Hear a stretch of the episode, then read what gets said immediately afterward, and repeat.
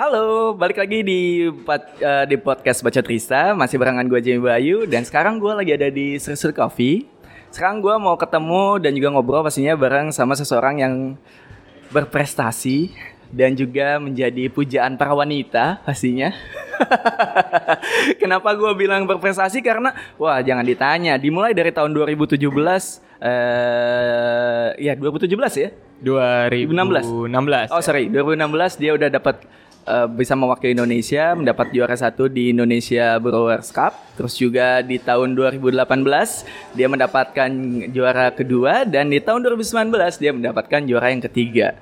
Kalau misalkan masa pujian wanita, wah jangan tanya, banyak banget wanita yang udah ngantri tapi masih diperboden karena dia lagi ada satu sama seseorang.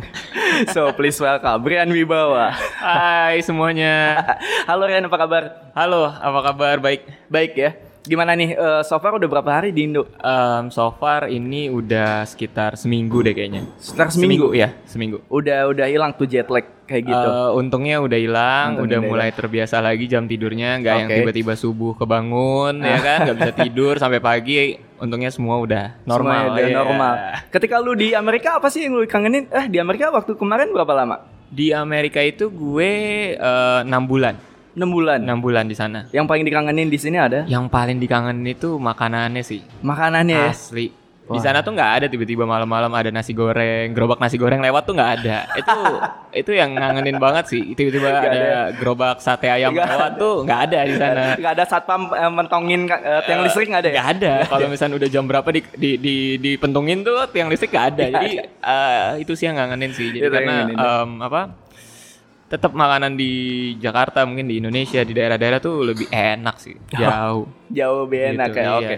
Sekarang mungkin kita sedikit flashback dulu Heeh. ke tahun di mana em, lu memulai karir sebagai seorang barista Oke. atau masuk menjadi eh, masuk di industri kopi ini sendiri. Itu Hmm. gimana ceritanya seorang Ri- Rian Wibawa sampai akhirnya masuk ke industri kopi? Oke, jadi kalau flashback eh, gimana gue bisa masuk ke industri kopi, sebenarnya dimulai di tahun 2011. Ah, ah. Itu em, gue apply sebagai part-time barista di Starbucks. Oke. Jadi em, dulu karena masih kuliah, Ah, ah. lalu kepikiran untuk coba nyari em, kerjaan paruh waktu. Oke. Dan waktu itu cuma Starbucks yang membuka lowongan untuk part-time barista, ya Hmm. gue mencobalah untuk apply di sana. Dan akhirnya keterima. Oke. Padahal eh, sama sekali nggak tahu soal kopi gitu. Ah. Jadi alasannya gue untuk em, apply di Starbucks memang pure pengen nyari pengalaman kerja dan juga em, uang tambahan biasa, ya kan? Iya iya. Buat jajan. Betul itu dia. Gitu. Jadi Buat kalau- traktir cewek ya kan. Buset, bener juga tuh kan ya kan em, eh, bokeh yang ada ya nggak? Nah. bener. Nah em, di situ bener-bener gue nggak ada sama sekali pengalaman di kopi. Em, minum kopi pun palingan minum kopi yang em, udah manis istilahnya yang udah tinggal lu buka dari sasetnya dan tinggal eh, lu seduh, lu tambahin es batu, dingin, enak, udah yang kayak gitu gitu loh. Oh, Oke. Jadi em, belum tahu tuh namanya espresso itu kayak gimana. Mhm. Terus latte itu apa? Cappuccino tuh apa sih? Apakah cappuccino itu mungkin udah manis kali ya? Gue mikir dulu juga kayak gitu. Jadi benar-benar nol sama sekali em, knowledge gue mengenai kopi waktu gue memulai eh, bekerja menjadi part-time barista gitu.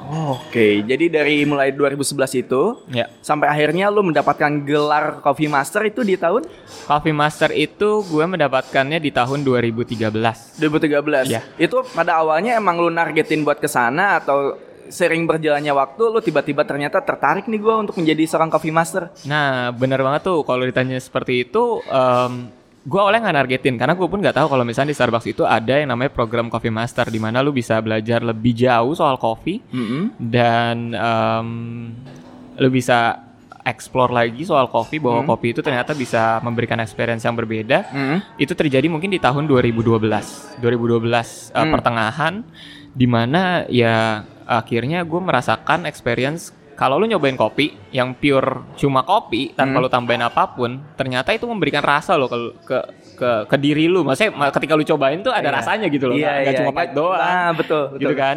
Dan karena uh, line up kopinya juga banyak, gue baru notice bahwa oh ternyata kopi uh, Sumatera sama kopi Kolombia dan Kenya itu kalau lu cobain uh, beda ya gitu ya nggak nggak sama nah itu di, dari dari dari titik itulah gue mulai tertarik dengan kopi wah ternyata uh, ini suatu hal yang unik loh.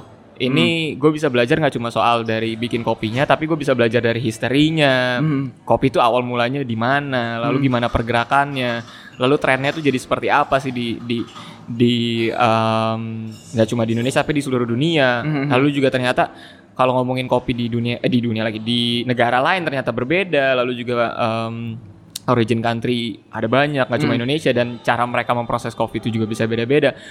Itu benar-benar membuka mata gue untuk kayak wah kopi ini keren banget sih gitu. Jadi gue Oke, pengen oke. banget untuk em, akhirnya di situ gue berkomitmen oke gue kerja tapi gue mau belajar juga deh. Ah. Jadi gue nggak cuma asal nyari duit doang, tapi gimana gue Oke. dapetin ilmu mengenai kopi ini, gue pikir gitu. Jadi gue target setelah itu untuk gue mengejar program Coffee Master itu untuk menjadi Coffee Master. Oh, dari keunikan kopinya sendiri sampai akhirnya ngebuat lu menjadi semakin penasaran ya. Betul, Dan betul. kayaknya di situlah titik di mana kayaknya ta- tanggung gitu kalau misalkan gue cuman kayak nginum kopi doang nggak tahu secara lebih dalam ya. Iya, jadi gue berpikirnya ah gue nggak mau lah cuma mas. Eh, misalkan gue datang kerja eh, serving coffee itu sudah gitu. gue merasakan bahwa apa sih value yang bisa gue dapet nih? Apa nih nantinya ilmu atau knowledge yang bisa gue dapet dari eh, tempat kerja gue gitu loh. Ah. Dan em, di sana gue bisa belajar gratis dan dibayar lagi kan? Nah, gitu itu kan? dia, Ya, betul. Jadi barista itu bisa kerja, dapat uang, belajar gratis. Iya. Ya. Dan kalau misalkan ada yang nyariin atau ada cewek, yuk kita ketemuan di Starbucks aja sekalian nungguin aku nge-shift. Ah. Nah, ya kan bisa kenal koneksi orang lebih banyak Nah, gitu. itu. Itu, aduh. Iya, di mana orang-orang nongkrong di coffee shop bayar. Kalau kita nongkrong, Nongkrong, dibayar, dibayar kita, shopnya. bener nggak? Kita belajar lagi kan tahu soal kopi lebih banyak gitu loh. Nah, kalau misalkan untuk menjadi seorang coffee masternya sendiri, apakah sulit untuk tesnya sendiri? Oh ya, by the way, Rian Wibawa ini barista Starbucks ya. Mungkin udah pada kenal kali ya. Nggak mungkin nggak ada yang tahu juga gitu. Iya, cukup lama ada sih gue di tahu. Hmm. Starbucks itu dari tahun 2011 sampai 2018, berarti sekitar udah tujuh tahun. Tujuh tahun. uh, Wow. bekerja di Starbucks. Iya. Em, iya mungkin sampai sekarang pun banyak yang mengenal gue ya Rian ya Rian yang di Starbucks gitu yang Mhm. dulunya di Starbucks karena nggak gue pungkiri ya gue bertumbuh dan beru- merubah diri gue dan menjadi apa yang gue sekarang ini ya karena Starbucks gitu. Hmm. Nah kalau ngomongin lagi Coffee Master, em, programnya sebenarnya dibilang sulit nggak juga, dibilang gampang nggak juga gitu. Oke. Itu tergantung em, kitanya as a barista mau nggak nih belajar, Hmm. mau nggak em, meluangkan waktu untuk belajar eh, lebih mengenai kopinya, Oh. mau nggak kita untuk explore lagi, mau nggak kita untuk membaca resource manualnya, mau nggak kita untuk em, spare waktu kita untuk sharing mengenai kopi. Em, jadi kalau misalnya ngomongin soal coffee master yang ada di Starbucks itu, semua balik lagi sih ke orangnya. Mau nggak? Jadi, Oke. Karena kan belajar itu nggak bisa dipaksa ya. betul. Istilahnya em, lu mau, ya ayo gitu. Ah. Tapi kalau misalnya udah dari awalnya dia memang gak passion sama kopi, sulit sih kalau kita mencoba untuk mem- mendorong untuk "I- pokoknya lu harus jadi coffee master. Tapi dari dirinya sendiri maksudnya ya gua nggak suka kopi gitu loh. Gua ke sini Iya. cuma kerja doang. Iya, Ya, itu bakal susah ujungnya. Yes, itu nggak bisa kita paksa sih gitu. Jadi em, itu bisa dijalanin programnya eh, menarik, seru dan eh, yang gue bilang tadi ya balik lagi ke orangnya kalau memang mau belajar em, dia akan dapetin hal yang eh, lebih ketika dia bekerja gitu. Nggak cuma bekerja doang tapi bisa dapat ilmu yang Oh. lain gitu. Betul sekali. Nah, em, yang menarik lagi adalah ketika berarti lu termasuk ini ya eh, si Starbucks Reserve itu udah munculnya di Indonesia di tahun Nah, Starbucks Reserve itu munculnya waktu itu tahun 2013. 2013 dan Iya. lu termasuk angkatan pertama ya? Iya, jadi Oh. waktu itu em, gue jadi opening timnya Starbucks Reserve Store yang di Grand Indonesia, Wow, yang di cool. lobi Amarta tuh yang gede. Ah, ah, Nah, Itu pertama kalinya kita ada manual brew, Mhm. em, bar, lalu ada pilihan kopi selain em, eh, yang ada di mesin gitu kan. Jadi bisa milih kopinya dan itu kopi yang eh, yang kita bilang Starbucks Reserve Coffee gitu. Oh, itu emang beda dengan Beda, betul. Starbucks Starbucks yang lainnya Iya. ya. Oh, oke. Dan itu perbedaan yang lu rasain ketika lu masuk Reserve dan yang sebelumnya?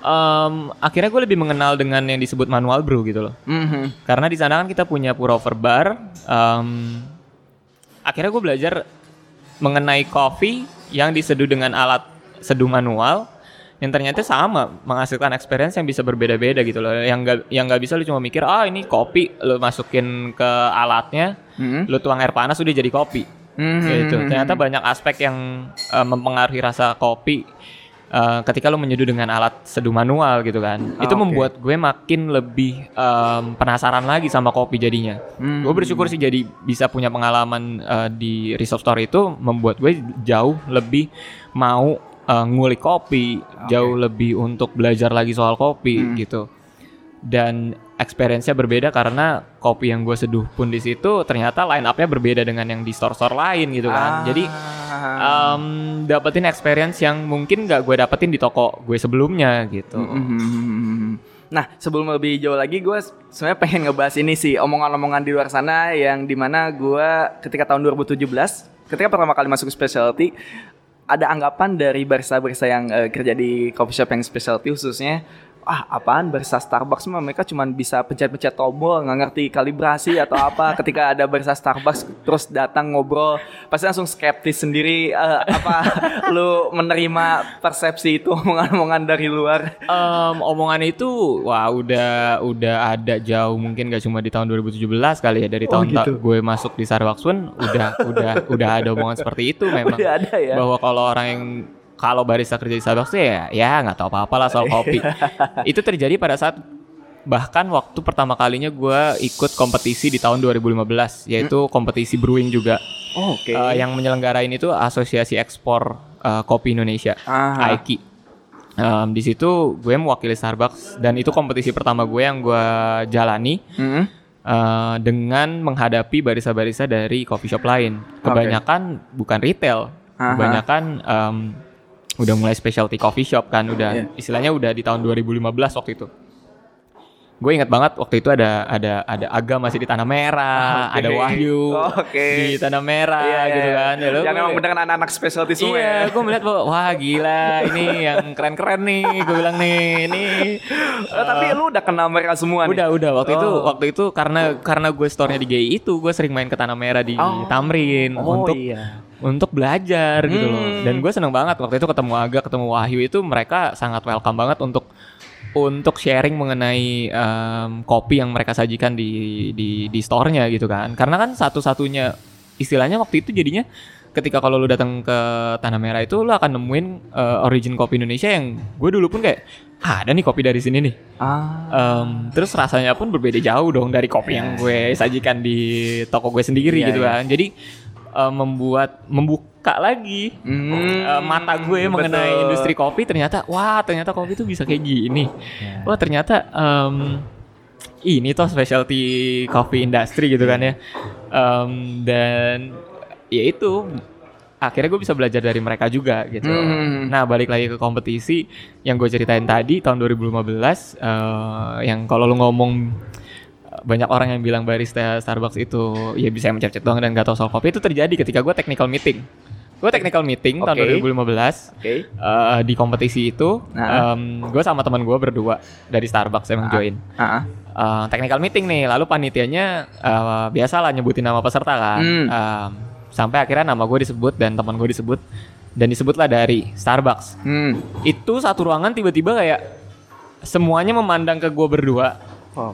Seakan kayak hah Starbucks ikut em, brewing competition nggak salah nih Wah, belum tahu mereka. tapi tapi di situ gue belum pernah ikut kompetisi karena itu kan kompetisi pertama gue Oh, dan dan Starbucks pun baru pertama kali pertama ngirimin. kali Oh. mungkin em, waktu sebenarnya sebelum sebelum yang tahun 2015 pun Starbucks pernah mengirimkan beberapa baristanya untuk ikut eh, IBC. Oh, gitu. Iya, kalau Ah, tahu iya. yang namanya eh, Ajeng Rindang waktu itu pernah bahkan sampai menembus em, final IBC deh kalau nggak salah waktu itu Wow. atau semifinal oh, gue lupa. Jadi tapi pernah ada barista Starbucks pun yang eh, Nah, pernah- sayangnya fakta ini yang sayangnya orang-orang belum tahu orang di luar sana gitu. Em, ya karena mereka udah langsung ngejudge duluan Iya iya iya gitu kan. itu sih itu dia. Karena caramel macchiato-nya lebih terkenal daripada hasil beruan. Caramel macchiato lebih terkenal. Eh, Java chip frappuccino-nya lebih laku gitu kan. Temen gua gua sampai sempet, sempet nanya kan, "Eh lu, kan gua pribadi belum pernah ke Starbucks. Eh, belum pernah. Baru sekali ke Starbucks. Jadi gua belum tahu apa-apa kan gua se- sengaja ngiseng, "Eh lu biasa pesan apa di Starbucks? Java chip chips. Itu emang anak itu ya? Favorit sih itu. Favorit ya? Karena eh, jujur buat orang-orang yang mungkin gak terlalu suka minum kopi itu udah udah paling pas lah proporsi kopinya dan dan rasa manis, coklat dan lain-lainnya lah gitu. Wah, iya iya iya. Ya, iya kalau dilihat lagi ya memang banyak orang yang akan berpikiran kayak gitu sih ke Starbucks. Hmm. Itu terjadi di tahun 2015 loh ketika gue ikut kompetisi pertama kalinya di eh, yaitu gue bilang Aeki. Eh, dan ya sama ketika gue ikut kompetisi pun di awal pertama kali itu gue nggak nggak nggak nggak expect apa-apa sebenarnya. Mhm. ya kompetisi aja gitu loh. Dan eh, berkompetisi pun dengan kopi Indonesia waktu itu kan Hmm. kopi lokal. Em, karena di Starbucks pun ada eh, Pak Mirza Lukman. Jadi ya gue belajar banyak juga dari dia untuk Hmm. untuk em, gimana sih sebenarnya standar kompetisi di luaran Starbucks itu seperti apa. Akhirnya training lah latihan lah sampai akhirnya ya udah ikut kompetisi itu nggak expect sama sekali bisa masuk final sampai juara Wow. tiga waktu itu Wow, nice. jadi juara tiganya gue Hah? juara duanya agak Wow. gitu. Nah, Tuh orang-orang gimana tuh? Orang-orang di sana gimana tuh? nggak tahu ya, tapi yang gue masih ingat banget waktu itu karena eh, jurinya waktu itu ada head judge saya tuh Mbak Mira. Oh. Itu pertama kalinya mungkin gue ketemu Mbak Mira di situ Heeh. Dan pada saat Mbak Mira ngasihin piala, Mbak Mira cuma nanya ke gue kayak, "Ini kamu pertama kali ikut kompetisi?" "Iya, Mbak." Jadi ya di situlah pertama kalinya gue ikut kompetisi dan melihat em, orang-orang yang ada di coffee industry di luar dari Starbucks gitu. Dan em, iya mungkin ya mengejutkan untuk beberapa em, orang di industri kopi gimana.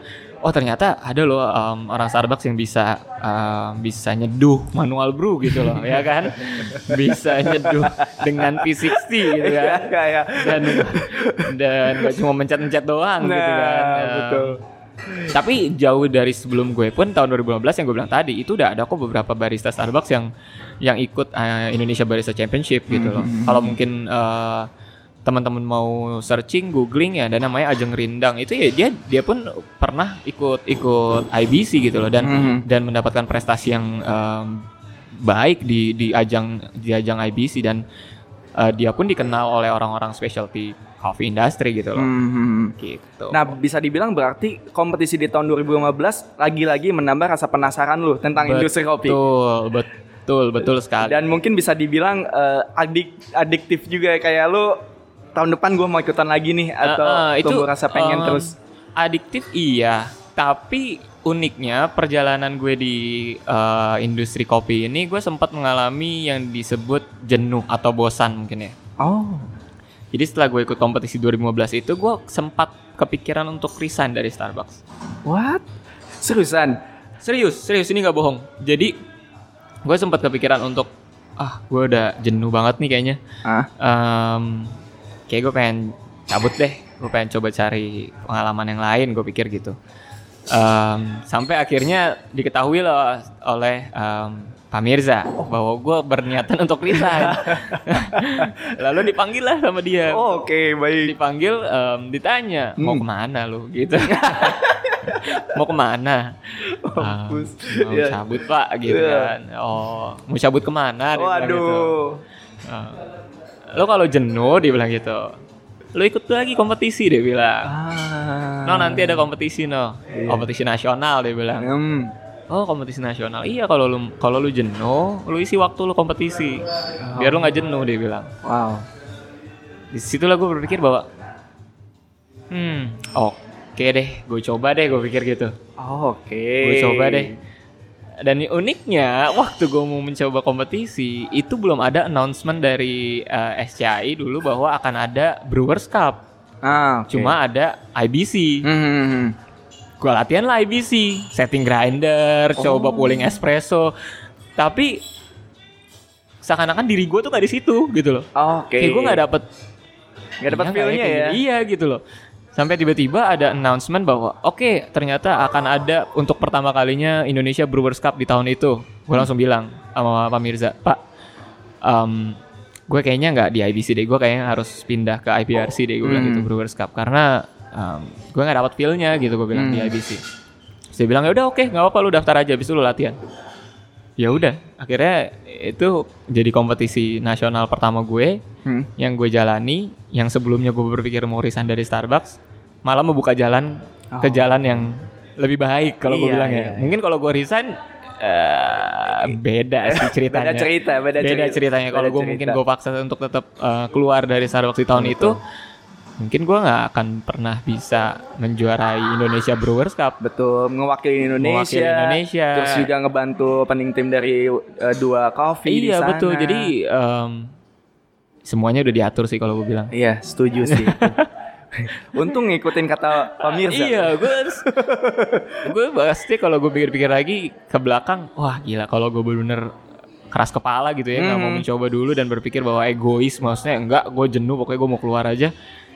Mungkin gue akan menyesali itu, mungkin. Hmm. Gitu. Mungkin gue nggak tahu sekarang gue ngapain, mungkin nggak kerja di kopi lagi mungkin, Bisa jadi. malah iya nggak tahu kerjanya mungkin di kantoran ya kan, nggak jelas gitu ya.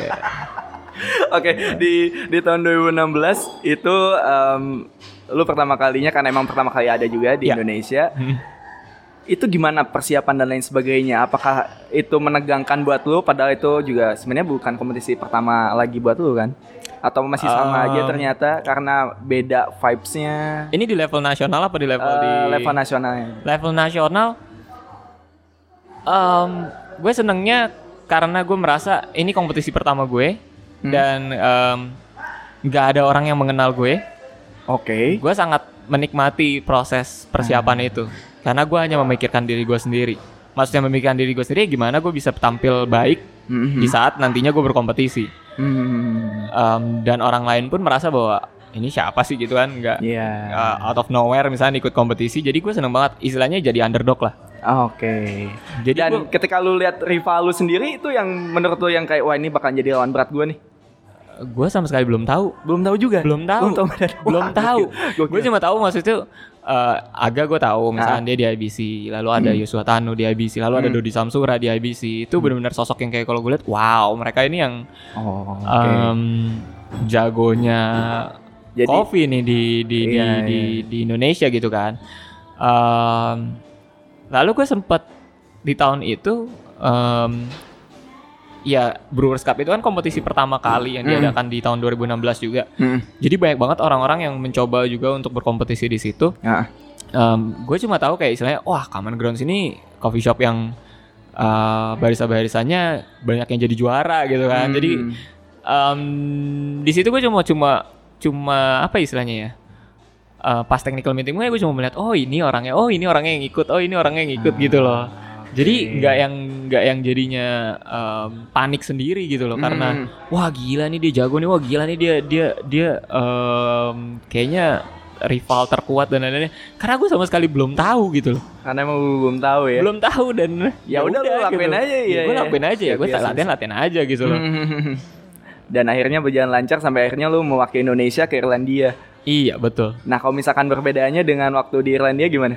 di Irlandia itu em, bisa gue bilang gue sangat menikmati em, event di sana Oke. karena apa yang gue dapat adalah em, tensinya yang gue pikir akan benar-benar menegangkan ternyata enggak enggak. ternyata sangat sangat santai di backstage itu eh, banyak kompetitor yang saling sharing, Hmm. Yang saling nuker tuker-tukeran kopi yang mereka akan bawakan di kompetisi. Em, Karena fun fact-nya adalah em, di tahun itu Indonesia pertama kalinya eh, mengirimkan Ya. perwakilannya Ya. kan untuk World Brewers Cup. betul, betul. Gitu dan sedangkan lu di. Indo sendiri kayak bingung mau sharing sama siapa Iya, karena emang belum ada betul perwakilan banget, betul sebelumnya. banget. Jadi eh, kalau ngomongin itu ya jujur waktu prepare pun em, gue bingung gitu loh karena ya pertama kalinya nanti Iya. di World lalu apa nih yang mesti gue gue persiapkan gitu Mhm. kan. Akhirnya gue cuma berpatok apa yang gue lakukan di nasional. Hmm, ya ya ya ya. Jadi lu udah cukup yakin dengan apa yang dilakuin Iya, di sini ya. Dan juga ya nonton video-video juara-juara uh, sebelumnya di Mhm. di Brewers Cup yang yang tampil di World Brewers Cup sebelumnya gitu loh. Mhm. Em, tapi ya istilahnya ya meraba lah kalau gue bisa bilang persiapannya. Oke. Em, ya yang gue bilang itu adalah ternyata pada saat gue tampil gue me- melakukan presentasi dan memberikan em, materi yang gue bawakan. em, sampai jurinya pernah bilang waktu eh, deliberasi apa yang gue sampaikan itu terlalu kompleks Oh. dan itu sebenarnya lebih cocok kalau lu bawain ke stage barista Ah, Karena- gua sempet denger karena lu bawa-bawa kayak eh, apa ya kandungan dalam si Iya, kopinya iya, kayak gitu dan tuh juga terlalu kompleks ya. kompleks dan em, gimana gue memberikan panduan untuk dia menikmati kopi gue.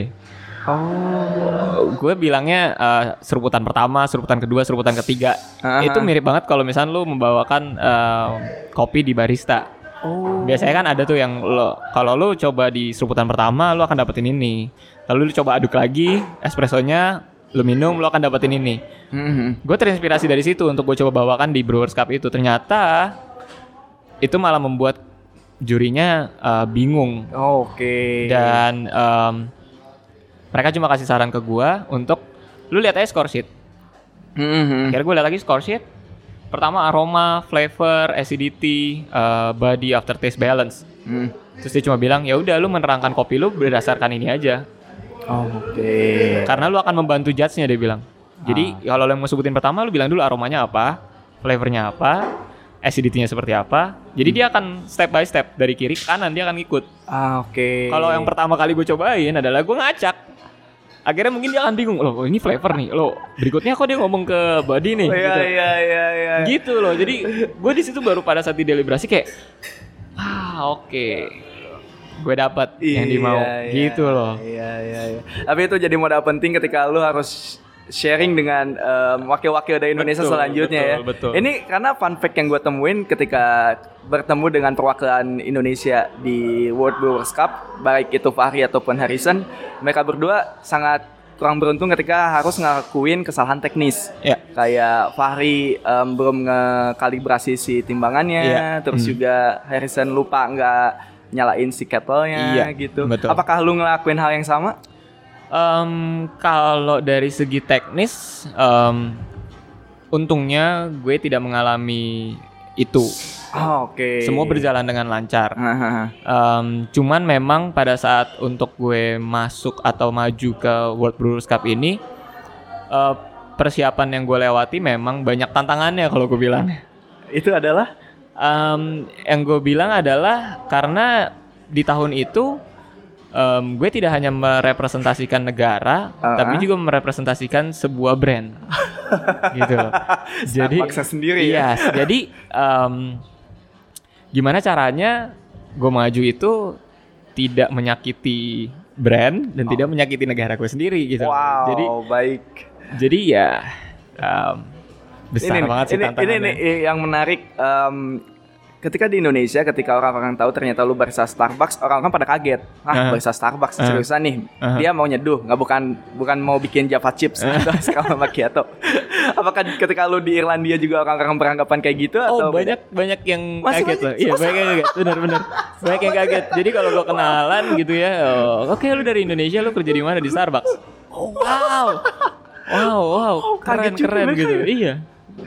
Wah ternyata perspektif itu juga ada Iya. di sana ya Dan eh, waktu itu pun akhirnya gue menjadi salah satu orang atau barista Starbucks pertama yang mewakili Starbucks untuk berkompetisi di eh, Brewers Cup tingkat dunia. wow nice Eh, ya gue sempet di sempat masuk ke newsroomnya Starbucks. wow Newsroomnya Starbucks eh, bukan Starbucks Indonesia tapi Starbucks Global. Starbucks global Iya, di gitu. Amerika sana ya Ya, gitu. dan itu pengalaman yang rare banget gak sih jarang Banget. langka banget, menurut gua. banget. Ya makanya gue bilang tadi, gue jadinya nggak merepresentasikan cuma negara gitu kan. Gue merepresentasikan brand yang ada di banyak negara gitu kan. tanggapan brand lu soal, global gitu. soal lu yang akhirnya bisa mewakili Indonesia dan juga brandnya di ajang dunia Em, wow, itu menurut gue momen yang paling em, mengharukan sih bagi gue. Maksudnya mereka itu sangat bangga gitu untuk untuk bisa melihat bahwa ternyata em, barista Starbucks itu bisa juga lo berprestasi di di ajang kompetisi eh, di luar Starbucks gitu loh Mhm. dan bisa membuktikan bahwa em, ya kita kita tahu loh soal kopi gitu loh kita Mhm. bisa gitu jadi Hmm. jadi itu kayak jadi em, titik di mana akhirnya banyak juga barista-barista Starbucks nggak cuma dari Indonesia, dari negara lain pun mau mencoba untuk ikut kompetisi di luar Starbucks gitu. Wow. Bisa dibilang suatu kebanggaan juga sih. Maksudnya brand yang besar itu di untuk masa kompetisi sendiri di-trigger oleh orang Indonesia gitu. Iya, Maksud gua kayak wow sebuah prestasi banget sih buat lu pribadi pastinya. sangat sangat sangat. Nah, ngomongin soal kompetisi sendiri, em, ada ada ada waktu di mana lu menghilang di tahun 2017. Oke. Itu itu, Itu lu ke mana itu? seru sih. itu ke mana? Sebenarnya gue bukan menghilang, Oh bukan menghilang. gagal. Oh, tapi kalau orang-orang menganggap menghilang bagus. Oh, bagus, Mudah-mudahan bagus. tetap menganggap begitu Oh ya. iya iya, tapi gagalnya gak gitu. Saya bukan gua pun masih menganggapnya bukan menghilang. menghilang, bukan menghilang, gagal. gue tetap ikut kompetisi 2017, tapi gagal total. Oh, oke. Itu Regional gue tidak masuk enam besar, nasional pun hanya berhenti di semifinal. itu karena Itu karena persiapan yang tidak matang. persiapan yang tidak matang. Bisa dikatakan lu persiapannya berapa lama itu? Itu gue hanya mungkin? persiapan cuma tiga bulan mungkin.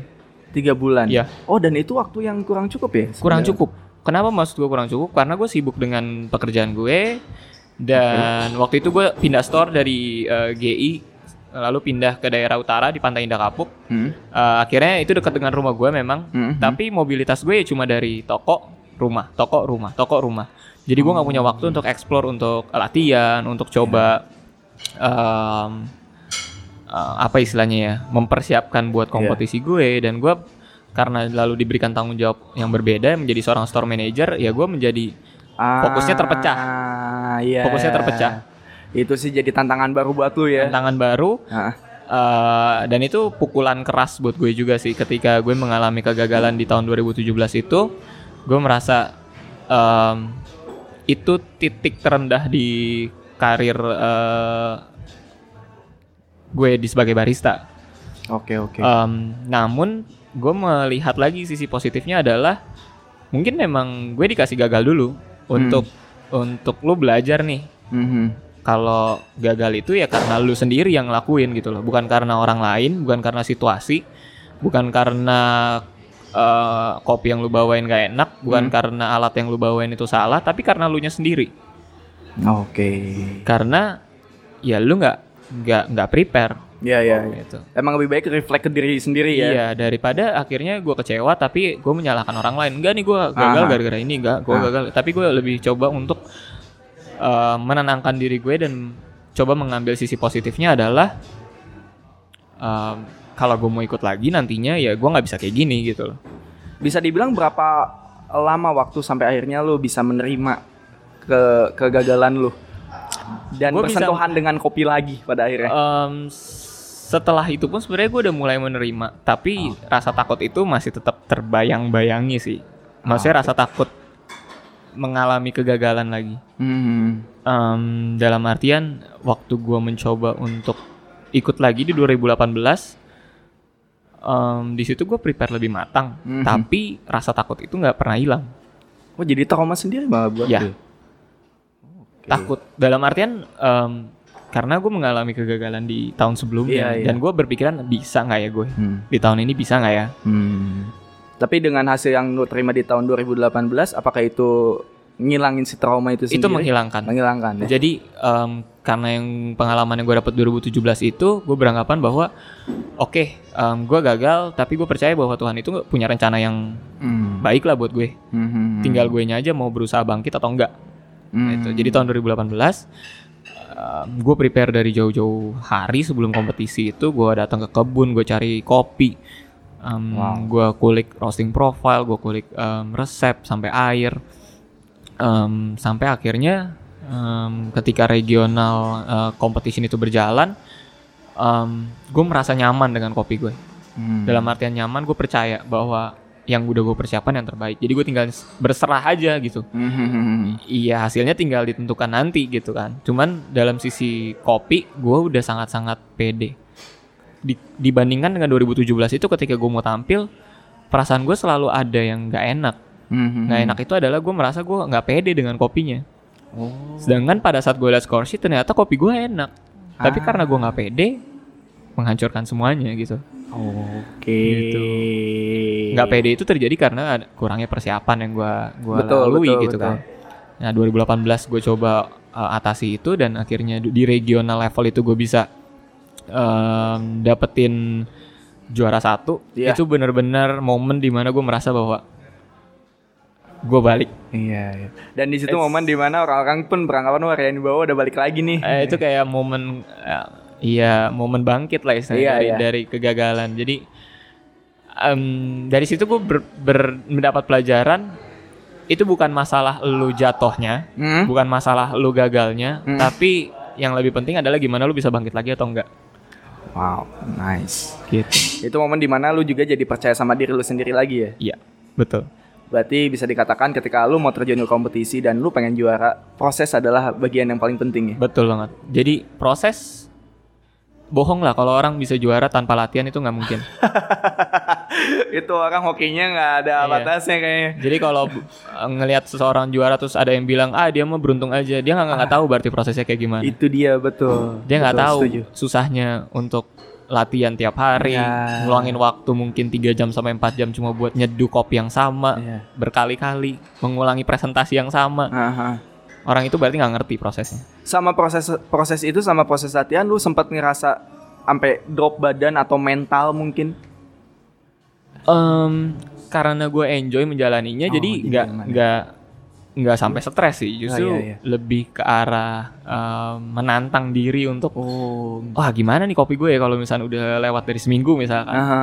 Terus kalau ada kalau ada suatu hal yang berbeda, jadi berpikir keras apa yang harus dilakukan ya biar lebih baik ya gitu loh. Jadi em, serunya kompetisi bukan cuma ngejar menangnya. Nah. Memang fokusnya kan ngejar ngejar ngejar juaranya, Betul. tapi proses lu dari persiapan kompetisi sampai kompetisi itu bakalan banyak banget hal yang lu pelajari.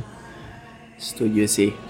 Oke, mungkin udah cukup soal kompetisi. Sekarang gue pengen ngebahas soal em, gimana ceritanya seorang Ian Bawa pada akhirnya bisa membantu eh, dua kopi Oke. untuk buka di Washington sana. Hmm, nah ini ya cerita baru lagi ya berarti. Cerita ya. baru, iya, Aduh. iya, iya. Em, ya jadi gue baru aja balik dari Washington DC baru seminggu. Jadinya balik eh, dari DC dan di Jakarta lagi. Mhm. Em, gue menghabiskan waktu enam bulan di sana untuk membantu membuka eh, dua coffee di Washington DC Mhm. kenapa sih? Kok bisa-bisa? Tiba-tiba ada gue di sana ya kan? Iya, semua tiba-tiba pada bingung lah. Kalau dari Ian. dia nggak balik-balik nih habis coffee event gitu ya?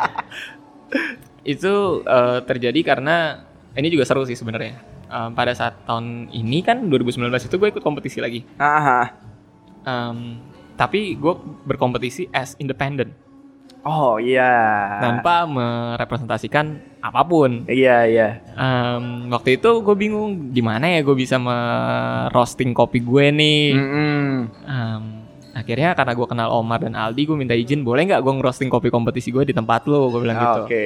oh boleh boleh kok ngerosting aja nggak apa-apa lu pakai aja kapan Hmm. aja akhirnya gue spend waktu banyak banget di dua Oh. dari ngerosting dari coba nyeduh kopi gue dari eh, cupping Mhm. Em, di situ gue udah mengenal semua baristanya juga orang-orang di dua Hmm. seru-seru semua Hmm. Eh, ada satu waktu pun gue sering sharing mengenai manual brew ke barista-baristanya Hmm. Em, jadi ya udah udah merasa ya gue deket aja dengan dengan dengan dua gitu kan Iya iya iya. Karena menghabiskan beberapa bulan mungkin iya ya. beberapa bulan itu di dua untuk untuk untuk persiapan kompetisi gue sampai akhirnya em, Omar dan Aldi eh, ngomong ke gue untuk kira-kira lu mau nggak kalau misalkan lu berangkat ke DC untuk bantuin dua buka di sana gue langsung bilang ya kenapa enggak gitu kan Iya iya iya. iya. masa gue tolak ya kan Iya.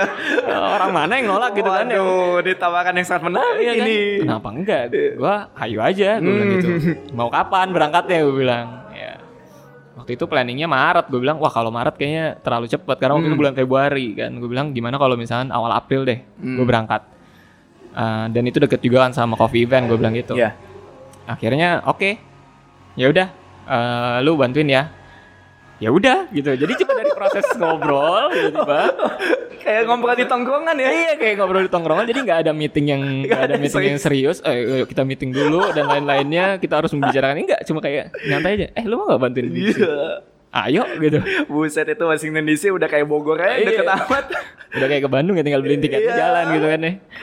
Em, kenapa ya? Maksudnya gue melihat bahwa Omar dan Aldi itu adalah orang yang baik sih kalau gue bilang. Hmm. Orang yang baik dalam hal menjalankan bisnisnya, mentreat em, barista-baristanya, Hmm. mempunyai visi dan misi yang em, baik juga Hmm. dari apa yang mereka mau capai nantinya ketika mereka buka coffee shop di DC itu yang membuat gue untuk oke gue mau bantu Oke. karena yang di mana gue dapetin adalah mereka mau membuka coffee shop di sana untuk menjadi tempat showcase-nya kopi-kopi Indonesia di DC. Oh. Di mana iya. dia mau nggak cuma buka coffee shop sebenarnya, Hmm. tapi punya misi untuk memperkenalkan kopi-kopi Indonesia di Washington DC gitu loh. Iya iya. Dan gue sebagai warga Indonesia gitu ya, Sangat antusias dengan hal itu pastinya. Indonesia, gue antusias dan menjadi seorang barista, menjadi seorang trainer nantinya yang bisa merepresentasikan kopi Indonesia di sana. Siapa cuy yang nggak mau? Betul sih.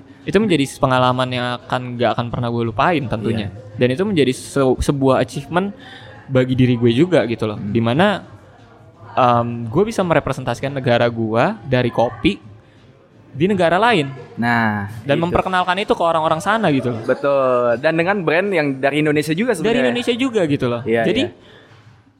Tanpa pikir panjang gue menerima hal itu Hmm. untuk membantunya gitu. Apa kisah menarik yang lu dapat ketika lu akhirnya ngebantu mereka di DC kemarin? Wah, kalau cerita panjang banget, banyak banget.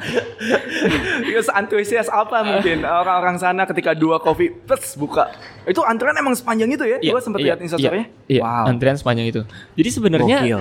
Em, bukan cuma cerita pada saat bukanya, tapi cerita sebelum bukanya sih yang menurut gue akan menjadi sebuah kenangan yang gak akan pernah gue lupakan. Hmm. Di mana banyak banget tantangannya yang dihadapi oleh mereka untuk membuka coffee shop di sana. Oh. Dari rules and regulation yang berbeda dibandingkan di Indonesia, Ya, pastinya. dari adanya eh, hambatan dari pihak ketiga. Oh gitu, Lalu- ada pungli juga itu di sana? Bukan pungli Oh, bukan pungli. Le- Lebih ke arah karena kita pakai kontraktor kan. Ah. Jadi ada aja hambatan yang Ah. terjadi gitu loh. Ya. Dan em, jatuh bangunnya mereka untuk untuk tetap membuat ini menjadi nyata dan Hmm. menjadi terjadi itu yang menurut gue itu nggak akan bisa gue lupain karena gue menjadi part bagian itu juga. Mhm. Di mana gue nggak datang itu udah buka gitu loh. Gue datang ke sana eh, masih proses, masih progres dan gue melihat perjuangan mereka untuk membuat si coffee shop ini eh, beroperasi gitu. Wow. Iya. Jadi itu akan menjadi cerita yang nggak akan pernah gue lupain gitu loh. Pastinya sih. Dan kalau lu bilang mengenai cerita unik pada saat buka, em, adalah momen haru sih kalau bisa gue bilang. Momen haru di mana ya dari proses yang panjang itu akhirnya kita bisa menserving customer-customer di sana dengan kopi-kopi Indonesia yang udah kita siapkan dan mendapatkan respon positif. Oh, dapat respon positif dari sana ya? Ya, Yang di mana seperti yang lu bilang tadi sebelumnya waktu off air adalah orang-orang sana tuh cuman mengenal kopinya yang di daerah Sumatera doang. Iya, jadi kalau kebanyakan beberapa karena gue di sana selama enam bulan, gue juga keliling beberapa coffee shop. em, kebanyakan yang gue lihat adalah kopi-kopi Indonesia itu adalah kopi yang dari Sumatera gitu, Hmm. Em, atau kopi Indonesia yang udah di blend dengan kopi lain dan dijadikan espresso blend. Oh, oke, iya betul. gitu. Kata-kata kayak gitu ya. Betul dan eh, waktu dua buka kita banyak beberapa origin yang berbeda gitu. Mhm. Kita ada origin dari em, Jawa Barat, Hmm. kita ada dari Bali, Wow. kita ada Sumatera tapi nggak cuma kita sebut Sumatera tapi kita kita sebutkan spesifikasinya dari Hmm. Kerinci dan dari Solok lalu juga em, sempat juga kita ada kopi dari mana ya? Oh Ciwangi gitu kan. Oh, Ciwangi itu oke. Cianjur. Jadi em, customer yang datang itu sempat em, apa ya istilahnya? Surprise kaget. Ah. tapi dalam dalam dalam em, in a good way. Maksudnya Ah. dia jadi wah ternyata kopi Indonesia itu banyak ragamnya ya. Iya, oh ternyata iya, eh, gue pikir kopi kopi Indonesia itu kopi luwak gitu. Itu Iya kan, itu, itu, itu, makanya. itu yang sering gue la- gue Aduh, dapetin. Ini ini unik sih sebenarnya. Jadi beberapa customer itu datang ke coffee shop. Ah. di kedua itu di DC kebanyakan kadang-kadang masuk nanya oh you guys from Indonesia? Oh uh, berarti lu ada kopi luwak dong. Gitu. Jadi um, ya kita sempat bilang oh enggak kita nggak Ya, nggak nggak serving nggak serving uh, kopi luwak kita bilang Ah. gitu. Kita adanya um, single origin ada yang kebanyakan single origin dan dari daerah-daerah Indonesia dan Arabica kita bilangnya gitu Iya iya iya iya. Dan tadi pun dari obrolan yang em, off air, lu sempat bilang kalau ternyata orang sana tuh lebih curious malah sama specialty coffee yang emang apa ya artisan kayak gini gitu. Karena di sekitar sana tuh kebanyakannya retail coffee. Ya betul. Jadi em, ketika kita buka em, ada beberapa customer yang langsung menjadi regular customer kita gitu. Wow, nice. Yang datang tiap hari Hah? em, untuk secangkir kopi. Hmm. Em, karena gue sering shift pagi di sana, Hmm. jadi selalu ada satu em, satu orang ini em, dia akan selalu datang di sekitar jam 7.15 pagi atau jam 7.30 cuma untuk memesan double espresso. Oh, iya iya iya. Dia selalu kayak gitu double ngelangin- espresso. Atau ada lagi yang eh, dia suka banget dengan filter coffee, Ah, ah, manual brew, ah. dan dia kan selalu datang after lunch em, dengan membawa mug dia sendiri. Oke. Ay, Sebenarnya bisa, dia dia tuh suka black coffee, tapi entah dia kadang-kadang mau long black atau Ah. enggak eh, manual brew, tapi selama gue ada di bar itu selalu dia tuh mesannya manual brew dan dia suka Oke. banget dengan Bali, Bali Kintamani waktu itu. Oh, yang di mana mungkin rasanya lebih acid ya. Ternyata mereka Iya. lebih lebih nikmatin. citrus, acid gitu kan, em, buah, em, light body.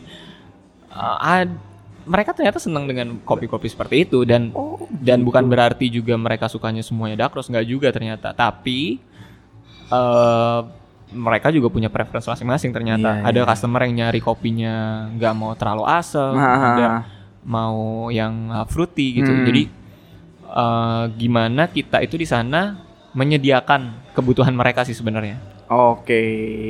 Jadi profilnya emang sengaja dibuat beda-beda ya Iya. supaya memenuhi kemauan mereka Iya. masing-masing kayak gitu. Wow, menarik sekali sih itu. Yes. Nah, mungkin bisa dikatakan ini adalah pertanyaan terakhir untuk sesi yang pertama. oke. Em, lebih bisa dibilang sebenarnya gue minta tips sih. Oh, tips minta untuk tips. untuk eh, barista-barista di luar sana gimana caranya untuk sampai akhirnya mungkin bisa menjadi seperti lu dan mungkin kira-kira apa yang harus dimilikin sama seorang barista sekarang. Em, tipsnya sebenarnya yang selalu gue bilang jangan pernah puas uh, dengan apa yang lo tahu sebenarnya Oke. karena industri kopi itu bergerak maju terus. Jadi tetap update diri lu, tetap cari informasi, tetap cari pengetahuan di luar sana dan gak pernah berpikir apa yang lu tahu itu adalah yang paling benar. Hmm. Em, terus setelah itu ya ketika lu dapat informasi itu jangan lu jangan lu simpan sendiri, Oh iya betul. lu share dengan Share yang lain yang gitu. lain deh. Dan percaya akan proses gitu. Hmm, hmm, hmm. Karena banyak banget em, ya pastinya orang menjadi seorang barista ada seseorang yang mereka idolakan misalkan. Em, contoh lah siapa sih yang gak idolain aga misalkan. Hmm, hmm. Tapi menjadi seorang aga yang sekarang menjadi aga Hmm. itu nggak langsung instan loh gitu iya loh. betul. Itu ada prosesnya gitu. Dan panjang banget Dan itu kan. panjang gitu loh. Jadi em, ketika lu mau sukses di industri ini, ketika lu bener-bener mau menjadi seorang barista, iya jangan mikir enaknya doang, tapi mikir prosesnya. Dan ketika lu mengalami kegagalan atau mengalami sebuah rintangan, jangan nyerah, Betul, betul, betul, betul. tetap jalanin gitu. Dan tetap sungguh-sungguh pasti akan ada hasil yang baik nantinya. Gitu. Ya, ya, ya, ya, ya, ya. Wow, nice. Oke, kalau misalkan kayak gitu. Thank you banget Rian. Sekian Terima kasih, untuk sesi yang pertama terima kita lanjut ke sesi-sesi yang Sesi selanjutnya pastinya. selanjutnya. Iya betul. Jadi jangan ke mana-mana, tetap di Baca Trista. Ya, Oke.